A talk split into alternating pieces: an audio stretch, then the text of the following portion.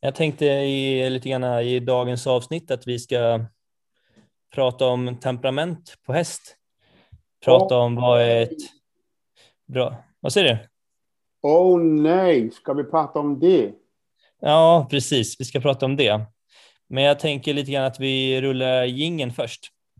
Jag ser hästen, du ser nacken Vi skulle löpa av skeg Jag ser hästen, du ser nacken Vi skulle fara i utredre Hej och välkommen till podcasten Riddare.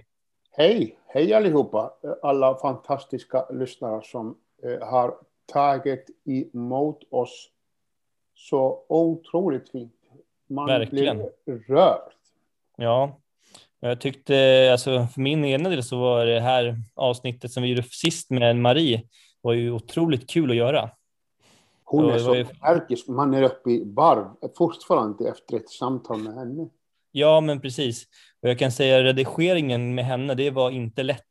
För det gick så mycket snack hos henne, man fick ju börja hejda lite. Lite grann. Mm. Men det var ju fantastiskt kul. Men går det att redigera skånska?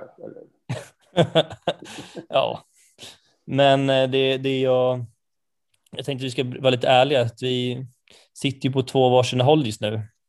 Ja. Jag, jag sitter hemma hos min kära mor just nu som har, eh, som har, är lite på uppdrag och så ska jag vara gårdsvakt just nu. Så du är hemma hos dig och jag är hemma hos min mamma. Ja. Det eh, hur känns det? Jo då, jag tycker det bara är mysigt. Ja lite större hus än vad jag har nu och kan passa på att njuta lite av andra lyxigheter här. Och hur har veckan varit? Jo, eh, för min del så har det inneburit, eh, det har varit rätt mycket jobb den här veckan. Och eh, ja, och det har väl, man känner sig lite trött nu för det är ju när vi spelar in det här så är det fredag kväll. Och ja, man är lite sliten men det, men det är kul är det framförallt. Vill du veta en hemlis? Ja måndag, tisdag, onsdag eh, blev jag så deppig och tung och helt orkeslös. Eh, bara alltså, eh, jag, jo, jag, hann, jag, jag hade lust att fora hästarna men det var inget mer alltså. Eh, och ibland när man inte rider då får man skuldkänslor vet du, och, och, och eh, de här tre dagarna var bara hemska. Ja. Eh, men på torsdagen, eh, då fick jag bryta av min vanliga morgonrutin och plötsligt hade jag jättebra energi. Eh, så kom jag på det. Om jag hoppar över att lyssna på nyheterna som matar mig jämt och ständigt med samma sak eh, dag efter dag. Jag ska inte säga ordet för vi vet alla vad det är. Men det snor i smyg så mycket energi från mig att jag tappar orken, jag tappar arbetslusten. Eh, och jag fattar inte förrän eh, jag var tvungen att bryta av det här mönstret. Eh, och, eh, eh, och inte titta på nyheterna. Och fan vad det var skönt alltså. Härligt. Så, så eh, ja, vi ska inte slösa våran pott på den här det här ordet som alla vet. Ja, gud ja. Jag har bara ett tips till er alla. Lyssna inte på nyheterna. Eh, för Nej. att det, det är bara samma sak och det snor. Gå i stallet istället och gör någonting häftigt med hästen. Lyssna på en podd kan man göra. Lyssna på en podd kan man göra. Det är, tror jag är bättre. Jaha, jag vet en podd som jag tycker är ganska bra som jag, som jag kan tipsa om. Du tipsar om ryttare, eller hur? Ja, precis, precis. Ja, Bra, och tack alla poddvänner som lyssnar. Eh, mm. Nu försökte vi att vara lite roliga, men du, du hade någonting bra ämne, André. Ja, nej, men jag tänkte, jag har ju funderat rätt mycket på det här överlag kring eh, både som avlare, men även sen när man ska typ köpa en häst och många kanske vill bara ha en eh, snäll häst, vill ut i skogen och njuta. Men eh, vad är definitionen av en snäll häst undrar jag då? Ja. Du, det här var jätte, jättebra, men svår och bred och stor fråga. Ja. Jag tror att vi kommer att prata om detta här i ganska många avsnitt framöver, eller vi kommer in på det. Ja. eh, jag kan utgå ifrån min egen uppfattning vad bra lynne är.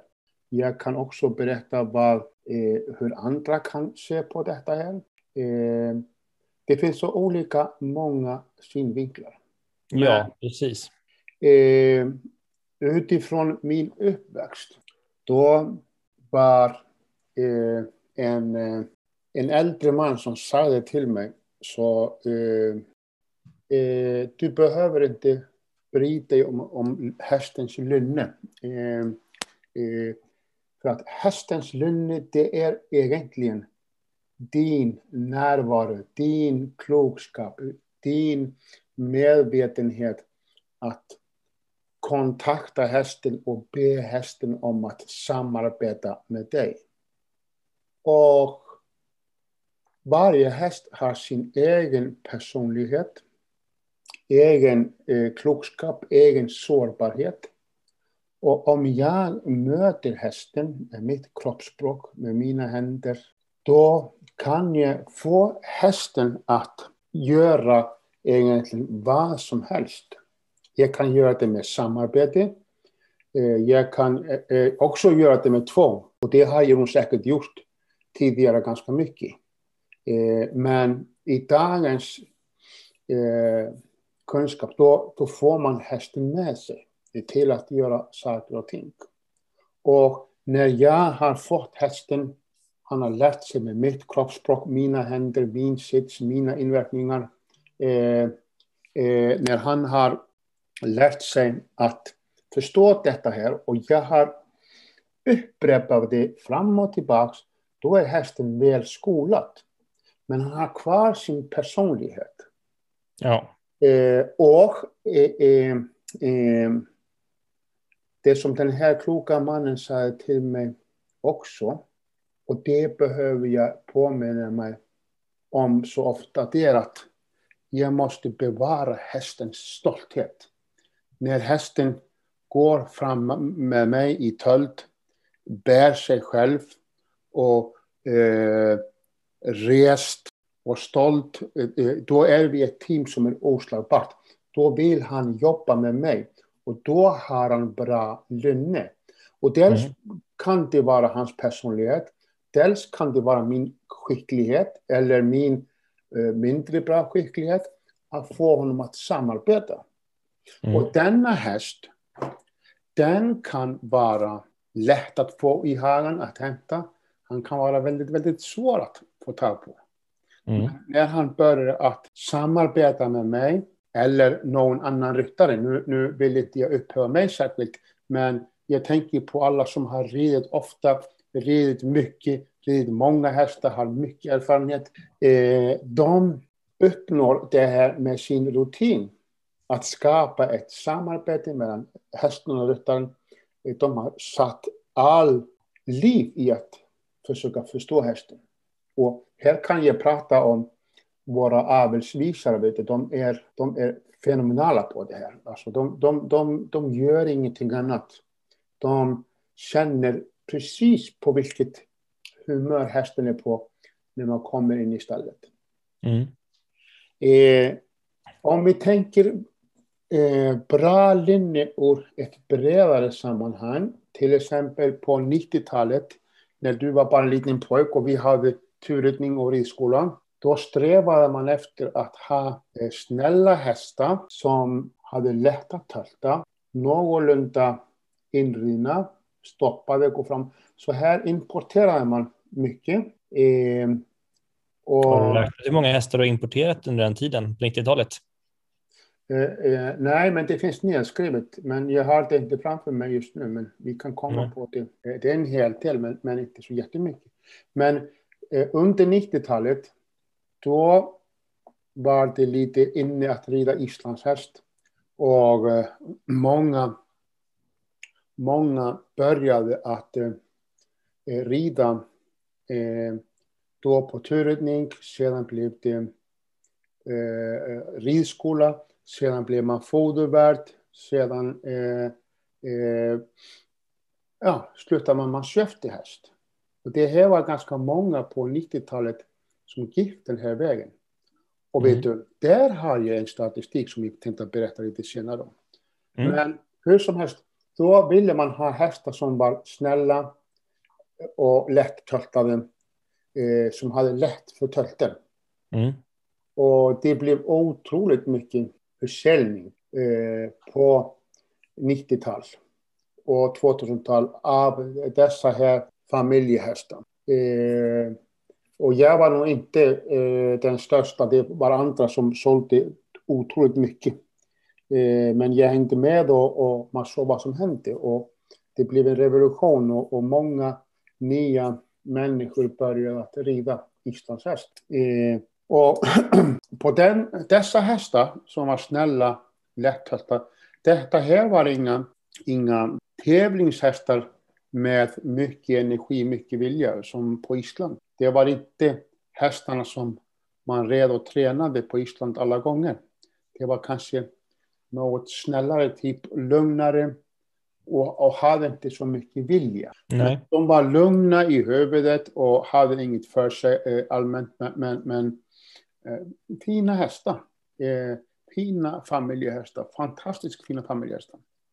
Jag tänker på den där gamla Gomma som vi hade förut. Eh, när ja, var... Precis som jag. Och henne köpte jag eh, kan, vi, kan, du förklara, kan, du förklara, för lyssnarna vad en Gomma var, vad det var för sorts häst? Ja, jag ska ta fram det. Gomma var en häst som jag köpte eh, eh, på Island för liten peng för att hon hade dåligt lynne. Eh, hon hade mycket dåligt lynne på Island. Eh, eh, hon kunde bara tölta. Och det kanske var på grund av inredningen, eh, men hon var hård. Eh, men när man satte sig på henne, då töltade hon bara på. Och hon kom till Sverige 30 november 1993. Och, då är ett år gammal. Ja, och precis. Och hon eh, när jag hade provat henne på Island och tog henne då kanske tyckte många att jag var lite för djärv för att hon var het. Men sedan började jag sätta henne i ridskolan och lite vana ryttare och hon uppskattades otroligt mycket för att hon var villig, eh, lättöltad, hon gasade fram i tölten. Eh, och eh, efter halva lektionen då började hon att trava lite. Sedan kunde jag ta henne på turridning och hon kom så bra in i flocken hon blev jätte, jätte, jätte populär. Mm. Och henne hade jag statistik för att jag använde henne i tio år. Och eh, tio, jag använde henne i elva år. Och i, av dessa elva år, då var det 613 stycken personer som fick prova henne. Mm. Som första gångs kunder hos mig. Mm. Och av dessa 613 då var det 258 som har varit med mig på Island mm. och ridit där. För att hon väckte så stort intresse. Mm. Och av dessa 613, då är 53 stycken som har under tiden skaffat sig egen häst. 50, mm. 54 nu, för att du skodde en häst igår visste jag. Ja, eh, som var min elev där. Vet du. Och mm. till slut vet jag att det finns åtta ryttare som provade henne första gången, som har ridit SM och två stycken VM. Så ja. det här stoet, hon fick, hade 85 i blöpp, hon hade mm. dåligt lynne, eh, troligen för att hon var fel inriden. Hon hade ingen jätteluft, men hon var jättepopulär och hon har verkligen varit en bra, eh, bra reklam för islandshästen. Eh, ja, gud ja. Hon var lite, hon var lätt att få tag på, men hon var inte, hon ville inte gosa med mig eller, eller vara eh, kela med mig eller eh, hon var inte eh, alltså tillgiven människa. Men hon, hon, var, hon var, hon ville vara för sig själv. Men eh, samtidigt när du kom in i sadeln, upp, upp och jobba, nu, nu börjar vi jobba. Och framåt hela tiden. Ärlig vilja, stannade, eh, gick framåt, stannade, villig, anpassa sig i, i ledet eh, och var jättepopulär. Och idag fortfarande pratar jag med vänner på Facebook. Jag kommer ihåg Gomma. Mm. Och även jag har ju, alltså, även, att, även om det var länge sedan jag hade någonting med henne att göra så har jag även minnen av henne också. Och det är väldigt länge sedan och det är oftast rätt härliga minnen också som jag har haft med ja. henne. Och jag vet att många kollegor i branschen som Islands hästkonsult, Jenny Mandal och, och Rekki som hade också på den tiden eh, och, och fortfarande idag skolverksamhet, de hade också importerat många hästar och har, eh, det fanns väldigt många fina hästar därifrån som folk pratade om. Eh, eh, fina ridhästar. Men jag ville, jag köpte några stycken hästar här i Sverige som folk eh, hade av någon anledning tröttnat på eller gett upp. Eh, kanske för att de var skenade iväg. Jag köpte två hästar som hade troligen mycket smärta på grund av spatt. Jag visste inte då. Jag tog inte dem och, och, och eh, började rida dem bara på mitt sätt. Och kanske efter en vecka eh, blev de bättre. Och det var, jag kommer ihåg en tioåring som jag köpte som var hur framgångsrik som helst. Eh, han bockade alltid en gång om året sen. Det, det gjorde han som ett, bara, det måste man göra. Men han var svår att få tag på. Eh, lite kall, men de som var något duktigare och hade utvecklats, de red honom och de älskade honom. Och vet mm. du, när vi slutade med tureringen, då levde han länge efter. Han blev 36 år nästan. Ja. ja ren korkåshäst, vet du. Ja. Eh, är, du, är, du, säker på att han fortfarande är död? Eh, nej, jag, jag törs inte säga. han kan ju lika han kan, det skulle inte förvåna mig om den här hästen blir 40 kan jag säga. Ja, men, men om vi, vi får inte tappa tråden med lynnet. Nej, jag precis. Tror att, att, eh, eh, eh, jag tror att varje ryttare i sig uppfattar hästens lynne. Eh, jag tycker alltid bäst att om någon säger att den här hästen har tråkigt lynne eller dåligt lynne, då betyder det att han gör inte exakt som jag vill. Och då kan jag alltid fråga mig själv, vad gör jag för fel? För att hästen är alltid flyktdjur. Eh, jag kan alltid fråga mig, vad gör jag för fel? Så jag kan alltid titta på mig själv och, och äh, se att jag kan göra bättre. Om jag inte kan det, då kan jag be om hjälp. Ja. Titta på mig. Så linje är utifrån min bild äh, någonting som jag måste med min ödmjukhet, min, min närvaro, mina kunskaper. Om inte jag har kunskaperna, för de kunskaperna får jag eh, av varje häst. Eh, och när jag har använt kunskapen på varje häst, då blir det min kompetens. Eh, jag övar mig och övar mig på hästarna. Ja. Visserligen gör jag ofta fel, men hästen har förmåga att förlåta mig otroligt snabbt. Ja. Eh, man kan aldrig gå ifrån det dåliga samarbetet om man gör hästen illa. Och det finns många grupper som, som, som kämpar för att man ska ha en sund och eh, hästvänlig hästhållning. Eh, men eh, hästen är inte född till att bära en ryttare. Eh, Nej. Det är han inte. Eh, och därför måste vi ha den inställningen.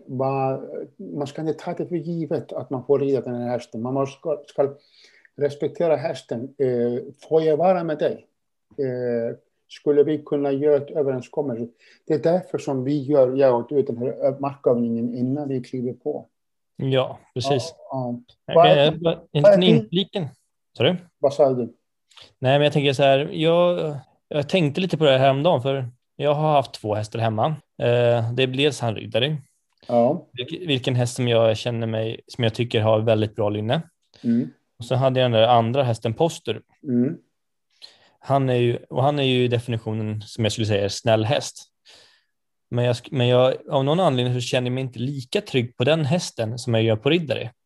Och då är Riddare en häst med väldigt mycket vilja och eh, rätt mycket, alltså, det, och man vet och han kan ju, det är en häst som kan, när han blir het så drar han ju. Men av någon anledning så känner jag mig fortfarande mer trygg på Riddare än vad jag gjorde på den andra hästen. Ja. Och då tänker jag mig, det är en häst som tänker framåt. Och jag tror någonstans också att jag och Riddare har ju nu ändå hållit ihop i tre år. Så jag tänker med en sån där, så om man vill känna sig trygg på en häst, det kanske tar några år också att bli verkligen trygg med en häst också. Då tänker jag framförallt på de här människorna som kanske letar häst, liksom vill ha en snäll häst att rida i skogen. Men man kanske ska ha lite åtanke på att om man ska hitta en häst så måste man också ge, den tid, ge tid till den också. Och tre år har det tagit för mig nu att känna mig helt trygg på en häst. Ja, och vet du, jag tänker i det här sammanhanget för att när, när man är, oavsett om du ska rida inne på ridbåten eller om du ska rida ut i skogen eller om du ska åka och tävla, då måste utbilda hästen efter ett särskilt system, efter träningsstegen som du behöver ha som ledtråd. Och, eh, och det spelar ingen roll, eh, du behöver göra samma sak med hästen oavsett vad du ska göra med den, träna den på eh, samma sätt. Du behöver, det, det, går inte bara när jag ska bara skritta i skogen. Ja, visst kan man göra det, men det måste vara målmedveten träning så att hästen eh, är hållbar. Att rida häst på långa artiklar i skogen eh, på framtiden, det, det, är inte bra för hästen. Nej, och det finns ju väl vetenskap, finns väl vetenskap som styrker det också. Ja, man ser det bara när, när, när man låter hästen vara lång, långa artiklar och skritt och hästen går mer och mer på fram, framtill. Man tycker att hästen är snäll, men man kanske tänker inte alla gånger på att hästen måste arbeta rätt kroppsligt till att kunna eh, bära och sluta den. Ja. Och synnerligen jag som är tung, jag måste alltid tänka på, eh, nu är det så skönt att när jag rider på Island, då har jag många hästar, biter ju ofta, så jag lämnar aldrig någon häst trött efter mig. Den ska alltid vara glad, den ska alltid vara på hugget, eh, det ska alltid finnas massor kvar. Ja. Det är samma här. Ja, och jag tycker ändå, alltså både du och jag, vi, även nu är du större än vad jag är, men jag, är, men jag skulle inte, jag skulle definiera mig också rätt stor. Jag är ändå 1,80 lång och så, alltså jag är inte, jag är inte en liten person. Och jag har ju alltid haft den här månaden ja, jag värmer oftast upp hästen vid marken, rider hästen och sen hoppar jag av och skrittar av hästen. Ja. Så jag minimerar ju antal timmar i sadeln med mm. att försöka förbereda mig mycket från marken och göra slutarbetet också ifrån marken. Då blir tiden i sadeln inte lika lång för övrigt. Ja. Och det är ju ett sätt att tänka hållbart liksom för hästen i sig så. Ja, och då kan jag säga bara utifrån mig själv och jag tror säkert att många känner igen det. Eh, jag är 1,84 lång och jag väger nästan 100 kilo eh, och över det med sadeln. Eh, kämpar alltid med vikten lite upp och ner. Ibland är det mycket mindre, ibland är det aning mer. Jag behöver alltid tänka på det och jag känner alltid av det när jag rider. Eh, men jag har alltid en glad häst eh, eh, när jag har ridit klart. Ja. Jag jobbar med hästen jag känner att jag får båda bakben. Mm. Och eftersom att jag har ridit som barn, då, då, då, har jag fått viss erfarenhet, fått vissa förändrat min kunskap över kompetens, hur jag får hästen att arbeta rätt. Och, och jag håller alltid på att utveckla mig hela tiden, är alltid nyfiken. Allt som kommer nytt, men jag tröttar aldrig ut hästen. Och, och ni, ni, som känner er, eh, och jag rider heller aldrig sådana långa två, tre timmars turer i skogen på en häst. No way. Eh, Nej.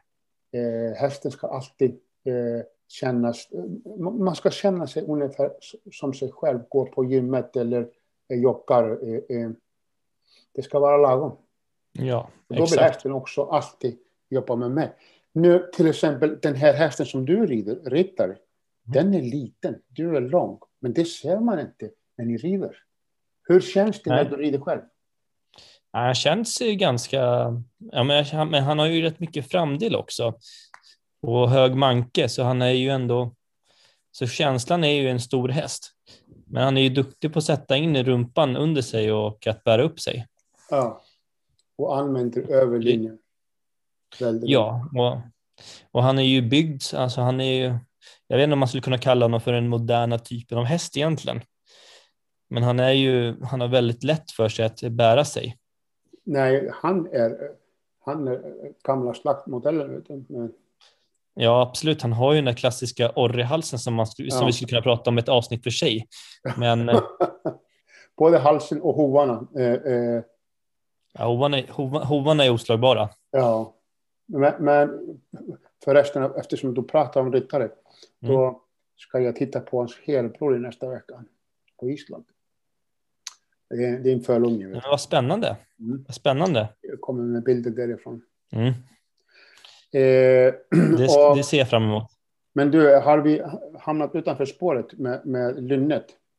Ja, Eh, men vi sitter ju och pratar om hästar med bra lynne. Det är det vi gör. Men, men människor i... Eh, vi kan säga så här. Människor som har egna hästar, eh, de vill ha hästar med bra lynne. Eh, Ja, och och eh, det vill nog de flesta faktiskt. Även jag- proffsryttarna också. Ja, och jag uppmanar alla att eh, lära sig mer om vad detta är. Eh, vad är ett bra lynne? Och i avelsbedömningen, då bedömer man detta mer och mer noggrant. Det har kommit tuffare kriterier som gör att eh, visningsryttaren, avelsvisningsryttaren behöver bevisa hur det är att stoppa hästen. Kan du låta hästen eh, komma och full fart och gå ner i en avslappning? De här motsatserna. Om hästen Mm. går att slappna på en gång. Det säger ganska mycket. Både Mm. säger att hästen är välriden och hästen har eh, bra personlighet. Ja, och till exempel som jag såg för några år sedan när, när eh, en onämnd arbetsryttare eh, och uppfödare red eh, sin häst på arbetsbevisning. Fem år, ett sto med så skyhöga poäng att folk bara wow, vilken häst det är. Eh, och, eh, och sen eh, blev personen frågad eh, efter visningen Vet du, vad ska du göra med hästen nu? Ska du, ska du börja tävla eller eh, ska du sätta den i avel? Nej, jag funderar på att rida in henne nu eh, när hon kommer hem. Men, rida in henne, men du har visat här program och, och, och med jättehöga poäng för ridenskaper. Eh, nu måste hon vara inriden. Nej, jag satte mig bara på henne och sa henne att gå fram och, och stilen är någorlunda. Eh, hon är så bra i huvudet, hon gör allting men hon kan ingenting. nej. Eh, och eh, eh, detta var så ödmjukt och fint svar. Alltså, fantastiskt vad, vad hästen var fin. Och, Mm. och så är det. Eh, eh, men sedan är också lynne och vilja, det här hänger ihop. Mm. Eh, om vi har en snäll familjehäst som till exempel eh, eh, våran Sevja. Hon är, Ja. hon är med det här optimala psyket. Hon är lätt att få tag på henne. Eh, du kan ta en, någon som är rädd eller ovan och sätta sig igång och rida. Och hon lunkar på i skritt. Hon gör ingenting. Om vi tar personen med ut på en tur, då tar hon, hon kan ta tölt, hon kan ta trav, hon kan ta grisepass. Men hon bara lunkar på. Och så om någon, man, man känner sig trygg på henne. Mm. Man säger bara ho och så stannar hon. Eh, hon har nog inte extra med sig så att hon kan inte säga att hon är så jättelätt töltad, men hon töltar ändå. Mm. Men sedan om någon vanryttare, oj oj oj, och, och sätter igång, då är det en powermaskin och så jävla rumslig att man kan rida från Uppsala till Södertälje och, och stanna och fika och tillbaks på en dag typ. Mm. Eh, och det här tycker jag var ett bra temperament som passar mig. Mm. Hon är, men hon är rumslig också. Mm. Och, och hon blir bäst när hon får arbeta och ta i. Mm. Men samtidigt också, jag har ju också ridit den där hästen och jag har ju någon gång bestämt mig, men nu ska jag sätta lite krav på hästen och benen bära sig. Men då kan han också räcka ut fingret också ibland. Eh, eh, Ja. Gjorde hon det? Ja, hon har gjort det några gånger med mig. Ja, inte med mig. Nej, precis. Och, det, och, åter där, och åter där igen så handlar det, i mitt fall så jag bestämmer mig för att nu ska jag vara kaxig och sätta lite press här, vet du. Ja. Och då blir det ju pannkaka mellan mig och henne. Ja. Men det som hon och jag var bäst på det är att eh, ta sen när vi bestämmer oss, nej men nu tar vi bara passen och skiter i formen och då går det hur bra som helst. ja, hon länger sig hur bra som helst och är snabb. Och så säger man bara who och börjar ta i tiker och hon stannar. Ja, jag, jag stannar inte henne för jag tycker det är så kul att fortsätta rida. Vet du. ja, Och, det där, och det där är också, tycker jag också en häst med bra vilja. Man känner bara, åh, man vill göra det igen bara och igen och igen. men om vi tittar lite historiskt. Mm. Eh, eh, på 90-talet då kom var väldigt många som började att rida och de människorna har fortsatt att rida ganska många utan att jag har några siffror över det. Men nu börjar folk att köpa ännu bättre hästar, alltså flotta tävlingshästar eh, som, eh, ja, eh, alltså det börjar bli mer i klass på hästarna, alltså eh, hästar som är mera, med mera power, mer i rörelse som passar i tävling, för det, intresset för tävling är ganska stort Mm. i Sverige till en viss grupp, eh, så att, att eh, efterfrågan på den fronten har varit stor. Mm. Eh, men vi skulle behöva ha fler turridningar och ridskolor över hela Sverige. Absolut. Behovet är jättestort. Ja, och det är ju kul att det är ett sånt. Det har ju, intresset har ju. Det här är ju en hästsporten som ökar mest. Alltså intresset för, här, för, den, här, för, den, här, för den här rasen har ju, är det som ökar mest just nu. Det är den Ja. mest ökande hästsporten just nu. Ja. Har du hört den, den siffran någonstans? Eller? Ja, eh, nu kom, när jag hörde det här så gick jag i, det var när jag gick under utbild, Hosla-utbildningen och det här är väl nog fem år sedan nu. Men jag vet ju om att den stiger och jag har hört det från andra håll också. Nu kan jag inte komma på den exakta källan bara för det. Men du, vi kan ta reda på det. Men jag har en jättebra fråga till dig. Eh, och jag frågade utifrån vad jag fick lära mig när jag var barn. Och när man skor hästar och man tar upp foten och börjar kommunicera med hästen där, Mm. då eh, känner du ganska mycket hur eh, linnet på hästen är, hur temperamentet är och, och, och, och sånt. Ja, och framför allt mitt eh, egna humör speglas också väldigt mycket i hästen när jag börjar skolan. Mm.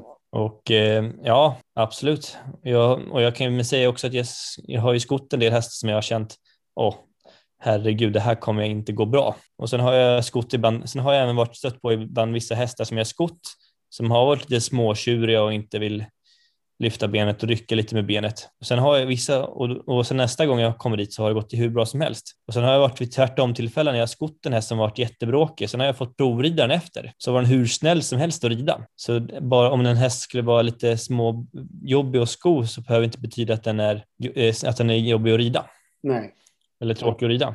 Nej, absolut inte. Vi gör då den här övningen alltid att flytta på fötterna och, eh, eh, innan vi kliver på och gå åt sidan. Eh, för att alla övningar som handlar om att göra skänkelvickning Mm. eller öppna eller sluta eller framtidsvändning. Alltid när vi ber hästen om att flytta på fötterna Ja. då ser hästen oss exakt i det momentet oss som eh, chefen eller ledaren. För att Mm. i, i vetenskapen har visat det att när man eh, eh, jobbar med övningar att flytta undan skänkel eller flytta på fötterna så fötterna rör sig. Eh, man rör sig med skänkel. Eh, då har vi ledningen över hästen. Ja. Eh, och det är utifrån det som dessa skolövningar har kommit för mer än 2000 år sedan. Och det här läste jag i ett, dels den här indianen som vi är rädd för Mm. om året och sen Yes. eh, eh, eh, Carl Philippe, eh, eh, fransman som jag har lyssnat på ganska mycket. Så, eh, så är det. Ja, så är det.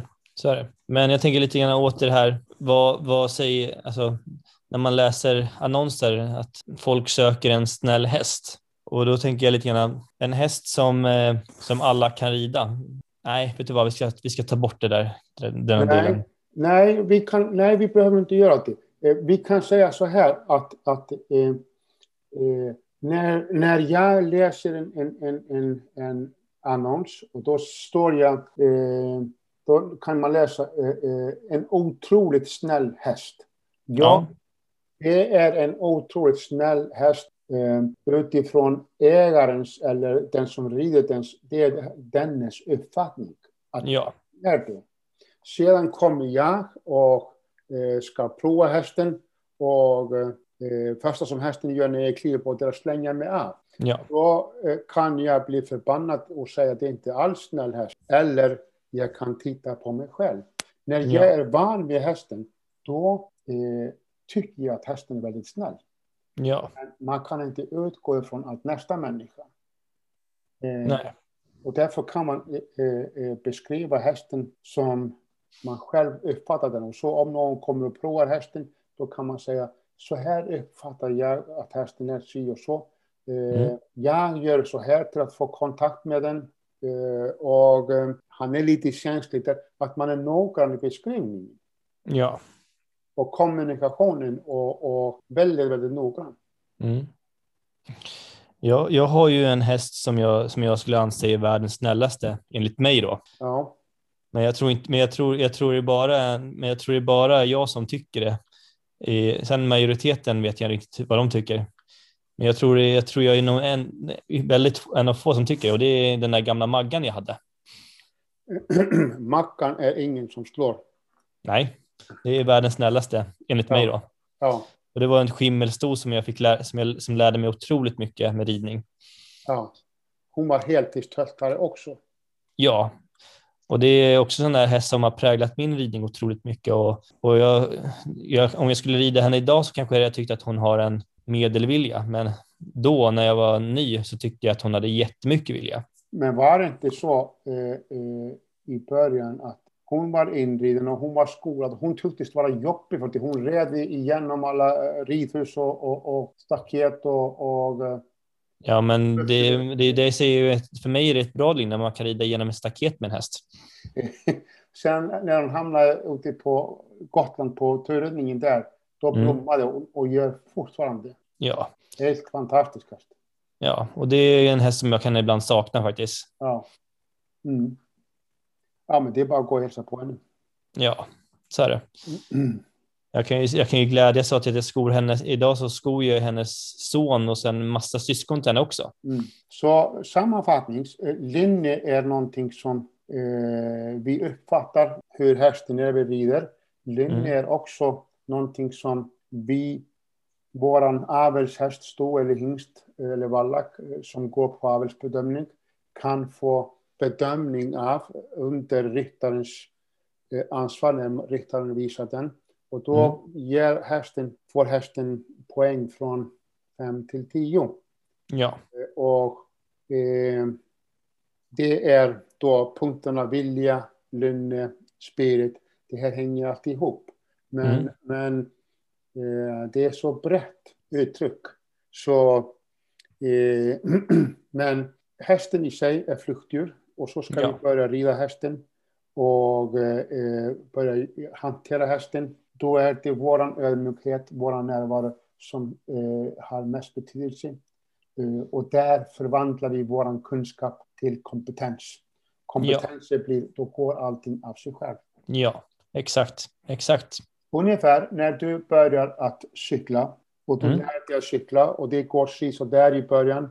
Du kanske har stödhjul, eh, du hittar balansen, eh, du trillar. Sen eh, kommer den dagen du tar bort stödhjulen och du bara rullar på som bara den.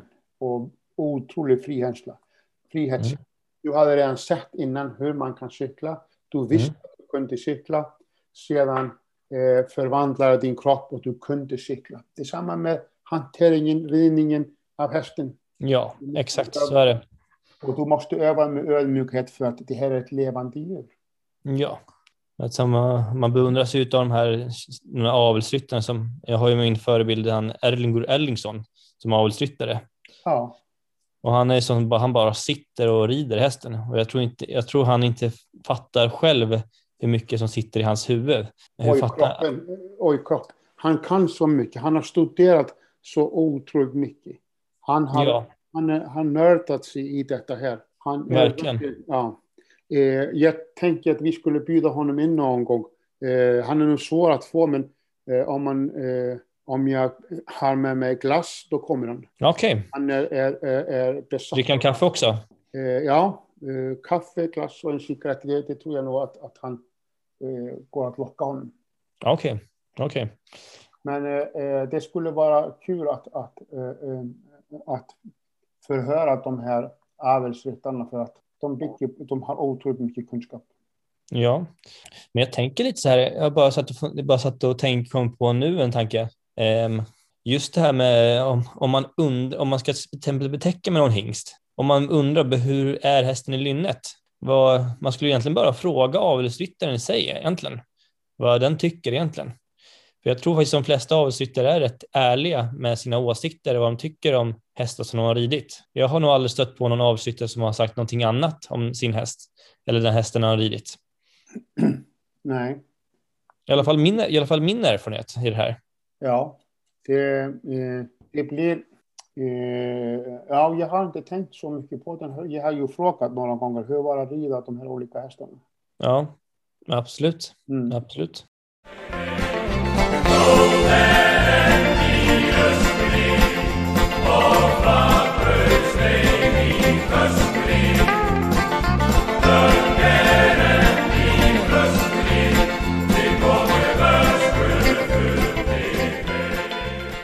överlag nu, alltså när man kollar på hingstar överhuvudtaget som är verksamma idag, att det är inte ovanligt att man ser en, bland en unge tävla på hästen heller.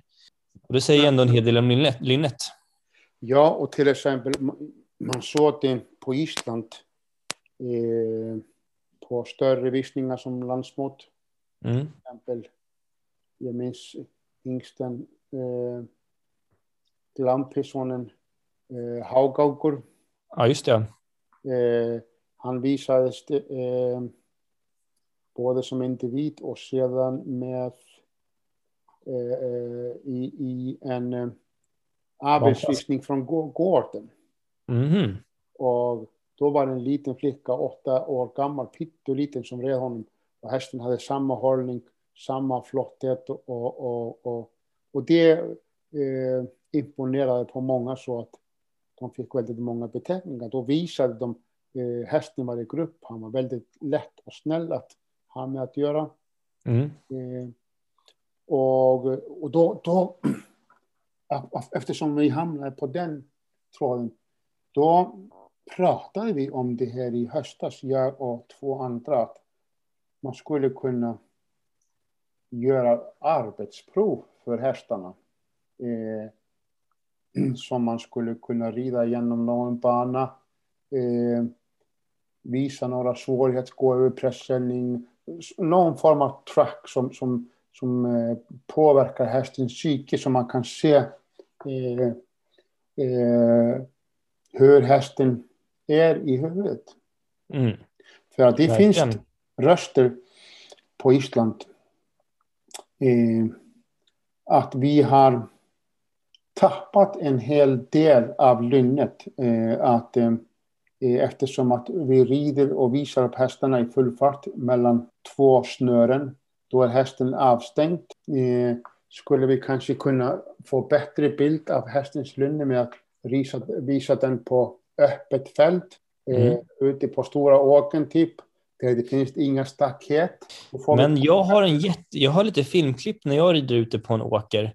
Jag tror jag ska ha det som en tumnagel på vår Instagram, just när jag rider ut rakt fram på en åker. För det är också en häst, det kräver också en häst som är rakriktad och tänker framåt och har bra lynne. Eh, ja, alltså bara att eh, om du rider ute på en stor stupåker och Ja, hästen, eh, nu ska vi dit. Du måste ha en riktning. ja, om hästen ser inget stöd, inget staket, då börjar han att tänka, "Ja, jag ska ta mig hemåt någonstans för att om om inte eh, samarbetspartnern, ryttaren eller ledaren är med, ja, eh, då kommer, det är en svår grej alltså, eh, men man, är, man har kommit väldigt långt om man klarar av det. mm. Att säga hästen, nu tar vi oss dit, nu svänger vi höger, nu tar vi rakt fram. Så fick Mm. jag göra som barn när jag samlade får. Ja, Ja, verkligen. hur hamnade vi där? Men jag tyckte det här var väldigt eh, kul att prata det här ämnet. Och vi kommer ju säkert snöa oss in på det här ämnet i framtiden också. Ja, Det är ganska skönt att liksom rabbla ut egentligen ganska mycket om hur, hur de olika perspektiven på vad ett bra linne är ja. och vad det kan innebära. Vi, egentligen, vi, vi hade inget entydigt svar vad bra linne är. Nej, Eh, eh, för att eh, vi vet det kanske inte, men eh, och det är kanske det som är lite syftet till det här avsnittet också, att, att just när man säger att en häst med bra linne eller en snäll häst, det är så komplext, det är så stort, så man får tänka på vad det, vad det innebär. Ja, och det är ju bara då att eh, eh, det är hur jag uppfattar hästen. Ja, och jag ser gärna, liksom kunna, skulle gärna vilja se, ha en diskussion om det här. Det vore väldigt kul att typ kanske ha någon sån här lite, något större Zoom-möte med flera där man kan prata om vad olika, från, alltså från höra från flera olika perspektiv på hela. Och det spelar, och då är det väl, spelar ingen roll om man är proffsryttare och har ridit i flera år eller om man är nybörjare. Det vore ju så kul att bara höra från allas perspektiv. Vi skulle kunna ta en föreläsare. Ja, eller det vore kul att typ testa, eller jag tänker bara en annan, en annan ännu större idé, att man har en häst som flera får rida på och så får man så får alla göra sin egna utvärdering om vad de tyckte om hästens lynne och se vad det kan, vad det kan liksom, och hur olika svar det kan bli. Ja, eh, Du förstår, förstår min stora tanken på det som man kan... absolut. Absolut. Det här skulle vi eh, låta våra lyssnare komma med förslag hur man skulle kunna utforma sånt. Ja, verkligen. Eh, till att utveckla frågan och förstå eh, så vi kan bli bättre ryttare. Ja, men vi skulle kanske kunna, eh, jag tänker kanske någon gång i sommar, vi kanske skulle planera in att vi har ett, eh, någon slags liveföreläsning eller någon live-podd av något slag som vi skulle kunna göra på Zoom eller något liknande. Men vi kan göra vi- det på Fast Riding-kanalen. Då, då får vi bilder och allt med. Det, det är bästa. Vi kan bjuda in på eh, någon fin föreläsning där Ja, vi får eh, några som är duktiga och kan mm. och kan förklara. Och kul att ha en slags öppen diskussion också. Ja, Och inte bara via Facebook och sociala medier utan när man ser varandra mun till mun och man kan diskutera. ja, Det är mycket, kan mycket sådana här diskussioner som jag ser i många forum kan också misstolkas i och med att det bara skrivs i text. Och man vet inte alltid vad folk, eller vilken, vilken ton folk använder när man pratar. Så det Mm. skulle vara lite, så jag tror det kan vara ganska nyttigt också. mm. Eh, absolut. Eh, eh, till att få det till att utvecklas. Ja. Absolut. Ja, är vi nöjda så här tror du? ja, jag är väldigt nöjd och jag vill egentligen bara sätta lite mer frågetecken i oss så att man kan sätta fler och man sätter lite mer frågetecken i folk och ni får gärna höra av er vad, vad ni tycker om lynne och hur en häst med bra lynne är för er. Så kan jag ta upp det sen i nästa veckas podd och vad, vad andra säger om lynnet. Mm. Exakt. Men eh, vi säger så så länge så hörs vi i nästa avsnitt. Det gör vi. Tack för idag. Ha det så bra. Hej! Ja.